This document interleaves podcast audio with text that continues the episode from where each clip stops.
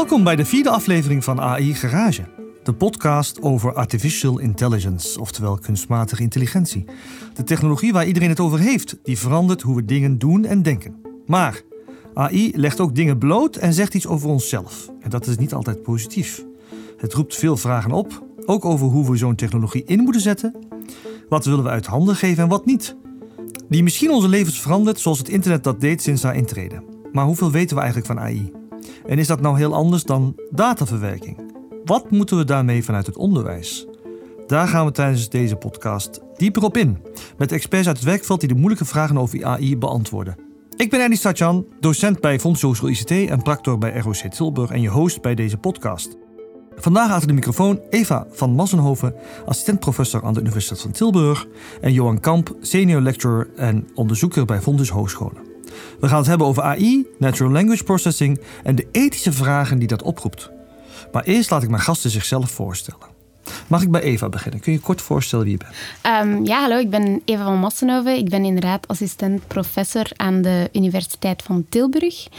Voor ik in Tilburg begon, was ik uh, postdoc en uh, PhD-student aan uh, Dublin City University, waar ik mijn doctoraat eigenlijk deed over machine translation en het integreren van linguïstische features in machine translation. En zo is gender bias eigenlijk een van de onderwerpen geworden waaraan ik werk.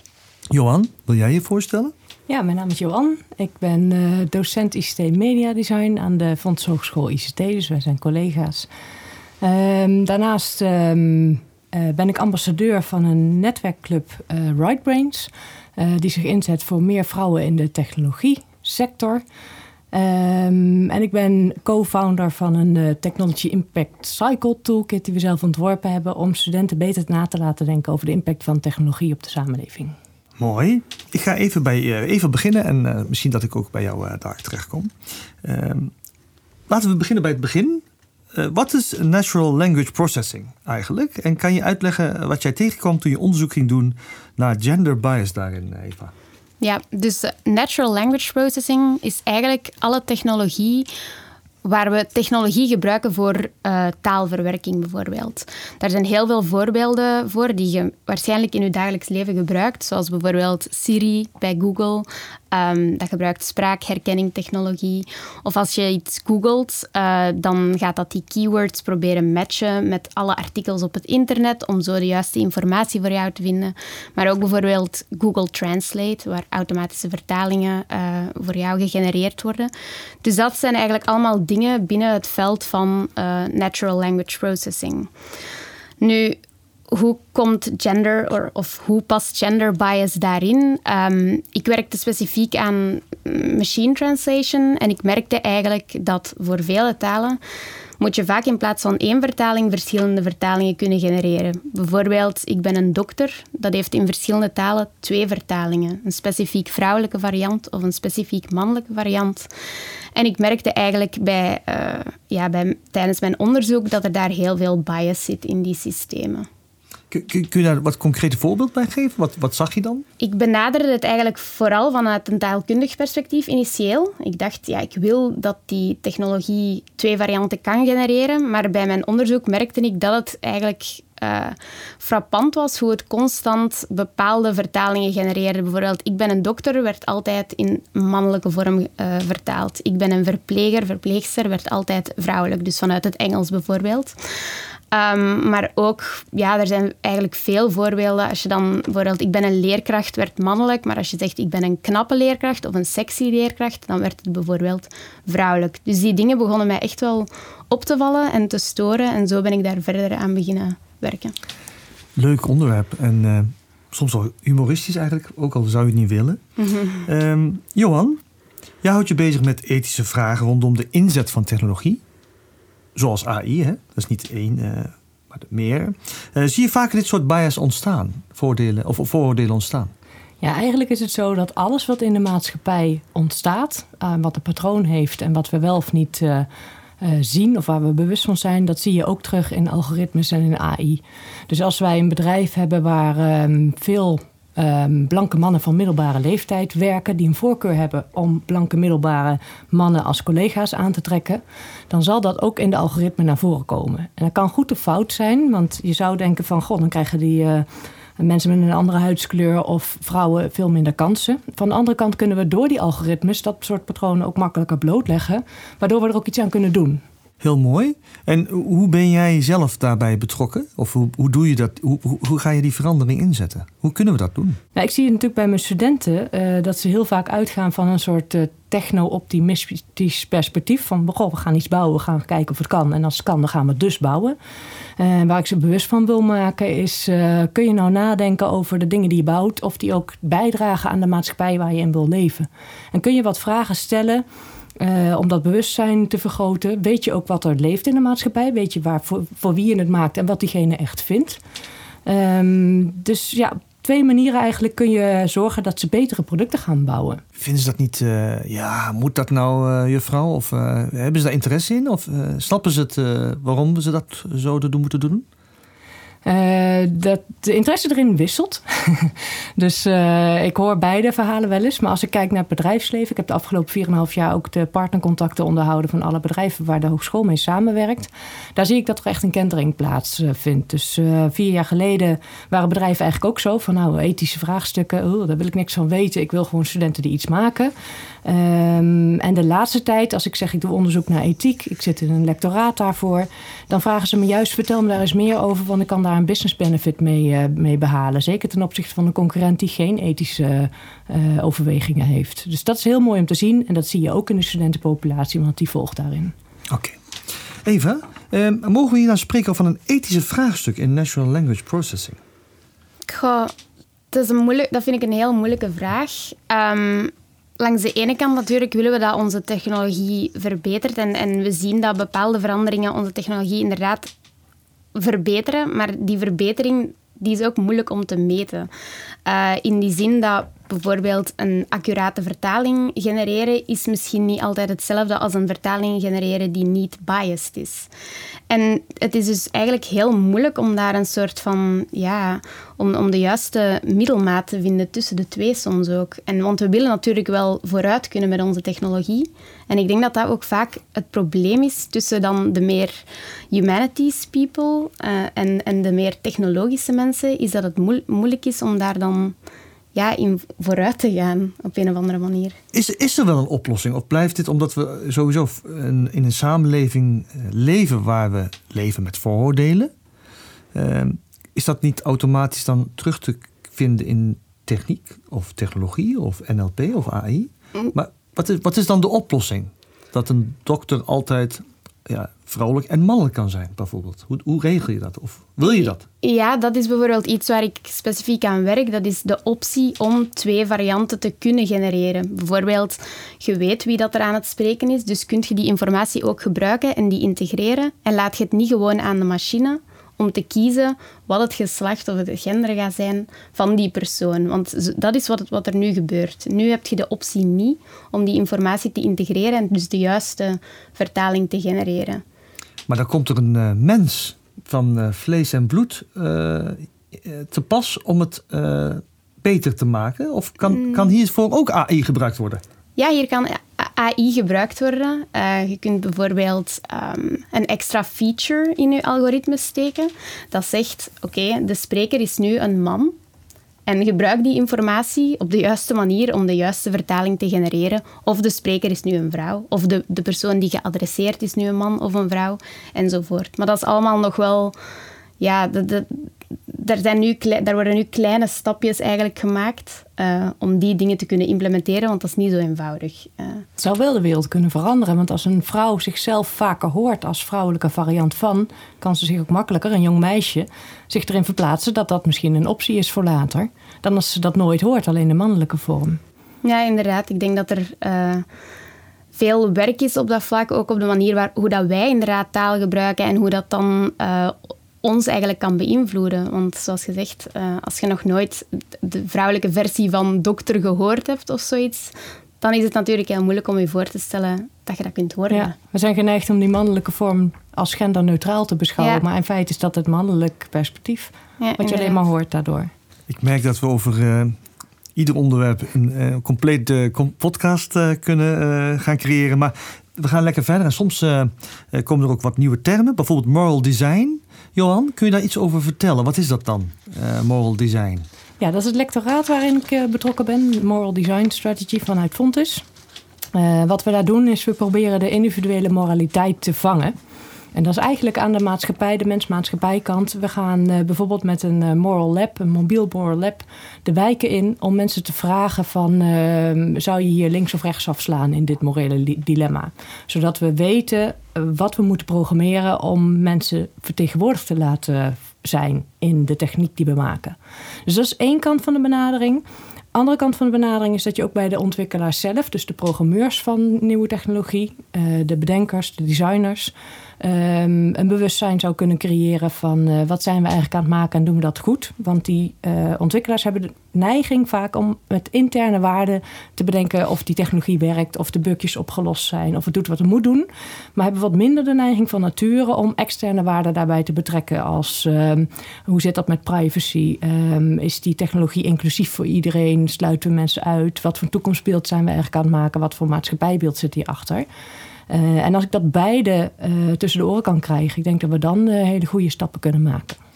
Ja, je, je, hebt ook verteld dat je heel lang met bedrijven hebt samengewerkt hè, en je ziet dat er interesse is. Um, hoe uitzicht dat in, het, in de praktijk bij het bedrijfsleven? Hebben ze een vacature waarin staat ook mensen met een moral design worden aangenomen? Of hoe zie je dat terug? Kun, heb je daar voorbeelden van, van bedrijven die dat al goed toepassen? Nee, ik ben zelf toevallig laatst gevraagd als Chief Ethical Officer. ik heb meteen nee gezegd. Want uh, ik dacht, daar moet je niet één iemand voor aanwijzen die het ethische vinkje zet of het wel of niet ethisch correct is. Je moet dat door het hele bedrijf doordrongen krijgen. Dus ik heb gezegd, ik wil best bij jullie komen helpen, workshops geven, zorgen dat jullie medewerkers daar een idee over krijgen, dat ze een bewustzijn hebben over wat zijn de morele, ethische haakjes die hier uh, van toepassing zijn. Ik kan jullie ook helpen om dat uh, verder de organisatie door te krijgen, maar wijs er alsjeblieft niet één persoon voor aan. Nee heel goed. Je moet geen checklink of uh, checklist of een vinkje box uh, nee. willen uh, hebben. Oké. Okay. Um, Eva, jij bent langs geweest bij Google. Hè? En leuk bedrijf, volgens mij, om daar langs te gaan. Is dat in Dublin of in San Francisco geweest? Dat was in San Francisco, Aha, ja. hoofdkantoor. Wat, wat, doen, wat doen ze daar? die hoort van alles. Ehm, kun je daar iets over vertellen? Wat je daar hebt geleerd of wat je ziet, wat voor veranderingen er teweeg worden gebracht? Ja, ze hadden dus uh, gelezen over mijn onderzoek en dan hebben ze mij uitgenodigd om met hun onderzoekers te komen praten. Wat ik op zich echt al een, een, een leuke verandering vind van, voor Google om, om eigenlijk te willen praten over de problemen die ik in mijn onderzoek blootleg met hun technologie. Dat vond ik al heel positief. Het was natuurlijk een groep van twintig uh, mannelijke ingenieurs, maar, maar bon, tot daar aan toe. Um, bovendien hadden ze ook net een ethische ja, een, een groep opgericht voor ethiek en AI. Dus dat was ook, denk ik, positief. Misschien van daaruit dat ze mij ook hebben uitgenodigd. En ik zag wel dat ze iets wouden doen aan de problemen die, die er zijn met hun technologie. Uh, en dat ze daar open voor staan om, om daar dingen aan aan te passen. Ja, misschien heb je het meegekregen. Volgens mij hebben ze ooit... Uh tijdje geleden uh, iemand ontslaan of uh, ontslagen. Of uh, iemand is zelf weggegaan die verantwoordelijk was voor de ethische kant van AI. Kun, wil je daar iets over vertellen? Of best wel lastig blijkbaar voor een bedrijf als Google om daar een weg in te zien of te vinden? Ja, ik, ik, ik heb gelezen over, ik denk dat je het hebt over Timnit Gebru en ook Margaret Mitchell. Uh, dus twee topfiguren eigenlijk bij, bij Google, die specifiek inderdaad instonden voor ethiek. En die hadden, ja, ik weet ook natuurlijk niet wat de, wat de kwestie juist was, maar die zijn inderdaad uh, ontslagen om iets wat ze hebben willen publiceren, geloof ik. Het is natuurlijk moeilijk voor een bedrijf als Google. Ze willen natuurlijk geld blijven verdienen. Ze willen natuurlijk uh, vooruitgaan met hun technologie. En het is, het, is, het is waarschijnlijk moeilijk ook voor hen om daar een, een weg in te vinden. Of dat correct is wat ze daar gedaan hebben. Het is, moeilijk voor mij om over te oordelen. Ja. Je merkt dus wel dat bedrijven ermee bezig zijn, maar ze worstelen er ook mee. Hè? Of een chief uh, ethical officer, uh, dat is misschien de oplossing dan voor sommigen. Terwijl het in het echt niet zo is, zoals Johan dat zei. Oké, okay, um, We denken allemaal graag dat technologie uh, ons levens uh, beter maakt. En vaak is dat ook wel zo. Het is fijn dat je Google Translate hebt. Ik gebruik het best wel veel. Ik gebruik ook trouwens DeepL. Dat vind ik ook een leuke tool. Het enige is, uh, je hebt dan wat minder talen. Ik heb het gevoel dat DeepL beter is. Maar misschien ken je, ken je het, Eva? Ja, ja, ik ken DeepL ook. Um, ik hoor van veel mensen inderdaad dat het beter is. We hebben een studie gedaan om, om uh, Bing, DeepL en Google Translate te vergelijken. En qua bias was het vergelijkbaar. Ze hebben alle drie problemen, wat ook, wat ook logisch is, omdat ze nog geen oplossing hebben voor dit probleem. Dus er gaat dan sowieso eigenlijk bias zitten in de vertalingen. Ja. Um, dus er gaat toch iets niet goed als technologie steeds vaker dezelfde fouten laat zien uh, die wij uh, mensen ook maken. Hè? Johan, kun je wat meer vertellen over stakeholders, transparantie in zijn proces? Misschien heb je dat kort aangestipt, maar. Uh, dus is er, is, is er een dilemma van blind vertrouwen en technopositivisme, dat wat je net zei? Uh, waardoor we vaak vergeten de kritische luis in de pels te zijn. Dat ben jij wel, ja. maar, en jouw team ook, denk ik. Maar hoe, hoe zou dat nog beter kunnen?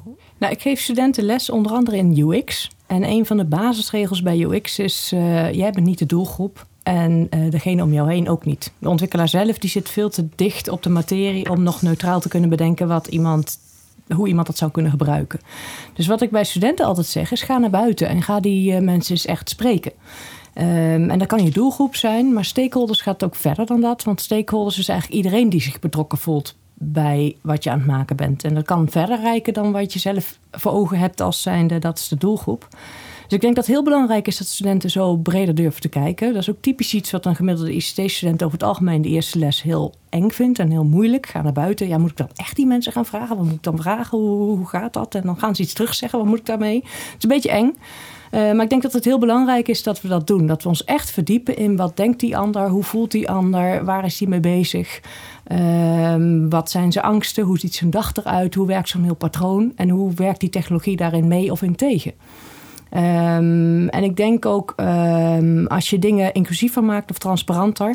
Om een heel simpel voorbeeld te noemen. Als je de bushaltes zijn een tijdje geleden verhoogd. Hè, dat je een, een, instap hebt in de bus dat die gelijk ligt. Is gedaan om gehandicapten makkelijker met de rolstoel naar binnen te kunnen laten rollen. Maar daar is eigenlijk iedereen beter van geworden. Want een moeder met een, um, een kinderwagen kan daardoor ook makkelijker instappen. En de niet gehandicapte mens, die heeft daar heel veel last van. En ook profijt, want die hoeft niet meer dat trappetje op. Dus ik denk dat we in een heleboel technologische oplossingen als we, gaan, als we breder kijken dan die standaard doelgroep die je in je hoofd hebt, die misschien wel 80 of 90 procent van de busgebruikers uh, is, of van de technologiegebruikers of whatever. Als je breder kijkt dan dat, kan het eigenlijk alleen maar voor iedereen beter op worden. Mooi. Uh, even om toch weer terug te komen bij jou. Uh, als je ziet dat, uh, dat heb je al kort, kort aangestipt, maar ik ben toch benieuwd. Als, je, uh, als jij uh, heel veel budget zou krijgen en je zou in je eentje kunnen beslissen om de bias in NLP op te lossen. Ehm, wat moet er gebeuren? Wat zou jij doen? Wat voor opdracht zou je geven? of is het op te lossen? dus vooroordelen, of het nou over taal gaat, of over geslacht, of over. maakt niet uit welke bias eigenlijk. Hoe zou jij dat aan willen pakken? Dat, dat, is een brede vraag. Dat maar... is heel moeilijk, ja. Dat is een heel moeilijke vraag, omdat die bias in de technologie komt natuurlijk uit de data waarmee dat we onze modellen trainen. En die data die komt dan weer van ons. Dus dat is, dat is een teksten van dingen die dat wij als mensen gezegd hebben. En die bias wordt opgepikt door uw model en dan eigenlijk verergerd omdat dat een statistisch model is. En dat wil dus zo vaak mogelijk juist uh, het juiste antwoord genereren. En daardoor zie je wel dat, dat het eigenlijk een beetje erger wordt. Nu, hoe kun je dat oplossen? Wel, als mensen minder biased zouden zijn, dat zou al een beetje een stap in de goede richting zijn. Maar dan nog ga je altijd ambiguïteit hebben. Um, en is het denk ik eigenlijk niet mogelijk om alle bias uit de data te halen. Er zijn zoveel vormen van bias, maar dat wil natuurlijk niet zeggen dat we niet vooruit kunnen. zoals Jan ook aangeeft, er zijn uh, technologieën met bepaalde users, uh, met bepaalde doelgroepen in mind. En je moet zien dat je voor die doelgroepen de juiste dingen kunt doen en, en, en dat je je testset uh, ja, divers maakt, inclusief maakt en dat je wel, wel daaraan probeert te werken natuurlijk. En ik denk ook bewust zijn van het feit dat er bias is. Ja, dat is dan voor de gebruikers vooral, denk ik. Want dat besef is er inderdaad vaak niet. Ze gebruiken Google Translate, wat eruit komt, dat zal wel de juiste vertaling zijn, zonder eigenlijk te beseffen, die taal is misschien anders. Misschien heeft hij inderdaad gekozen voor een mannelijke vertaling. Ook al is dat er in het Nederlands of in het Engels dan misschien niet. Uh, we zijn er bijna doorheen. Uh, ik wil aan Johan vragen of je nog iets wil, kwijt wil. Of je nog wat wil vertellen. Uh, wil je een boodschap geven aan de luisteraars? Uh, nou, ik denk vooral uh, dat het onderzoek van Eva heel belangrijk is. Dat ze patronen heeft uh, blootgelegd die belangrijk zijn om te weten. Want als we niet weten, kunnen we niet acteren. En op het moment dat we wel iets weten, dan kunnen we er iets mee doen. Dus ja. dat is eigenlijk de uitdaging voor de toekomst. En heb je ook, ook wat verteld over TICT? Misschien is dat interessant. Kan ik nog wel een stukje over ja. toelichten? De TIC-tool die we ontworpen hebben is speciaal voor um, ontwikkelaars, maar ook voor designers, voor mensen uit het bedrijfsleven. Bestaat uit een aantal categorieën die bedoeld is om, uh, en ik open hem nu meteen even, om je denken wat te verbreden. Dus ga eerst kijken, ben ik wel de juiste vraag aan het oplossen? En is technologie daar wel het juiste antwoord op? Dat klinkt heel logisch, maar daar zien we als eerste al over het hoofd om die vraag te stellen. Vervolgens hebben we een tiental categorieën die vooral ingaan op die externe waarden. Um, en dan willen we studenten en ook mensen uit het bedrijfsleven uitdagen om bijvoorbeeld te gaan nadenken over um, hoe zit het met je data, hoe zit het met je privacy, uh, kunnen er hackers uh, toegang krijgen tot die data, um, hebben mensen een idee waar die data staat en hebben ze een idee welke data ze allemaal weggeven als ze jouw tool gebruiken. Hoe zit het met menselijke waarden? Welke stakeholders heb je in beeld en heb je mogelijk nog niet in beeld? Heb je alles wel inclusief genoeg gemaakt? Transparant genoeg? Of heb je straks een soort black box waar niemand van weet hoe, uh, hoe het antwoord ontstaan is? Is jouw technologie sustainable? Blockchain is bijvoorbeeld een heel beroemd voorbeeld. Dat uh, vreet zoveel energie dat je daar ook een, een aardige Nederlandse stad mee kan uh, voeden. Dat is de vraag of dat de, in de toekomst houdbaar is als we dat zo zouden doen. En daag jezelf ook eens uit. Maak een toekomst, toekomstscenario. Maak een heel uh, utopisch of een heel dystopisch perspectief.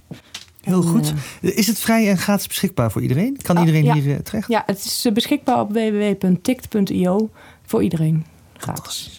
Eva, wil jij wat uh, vertellen nog? Meegeven aan de... Heb je, heb je gemist dat ik een... Ja, heb ik een vraag gemist? Uh, wil je nog wat kwijt? Mag ik even nadenken? Ja, dat kan.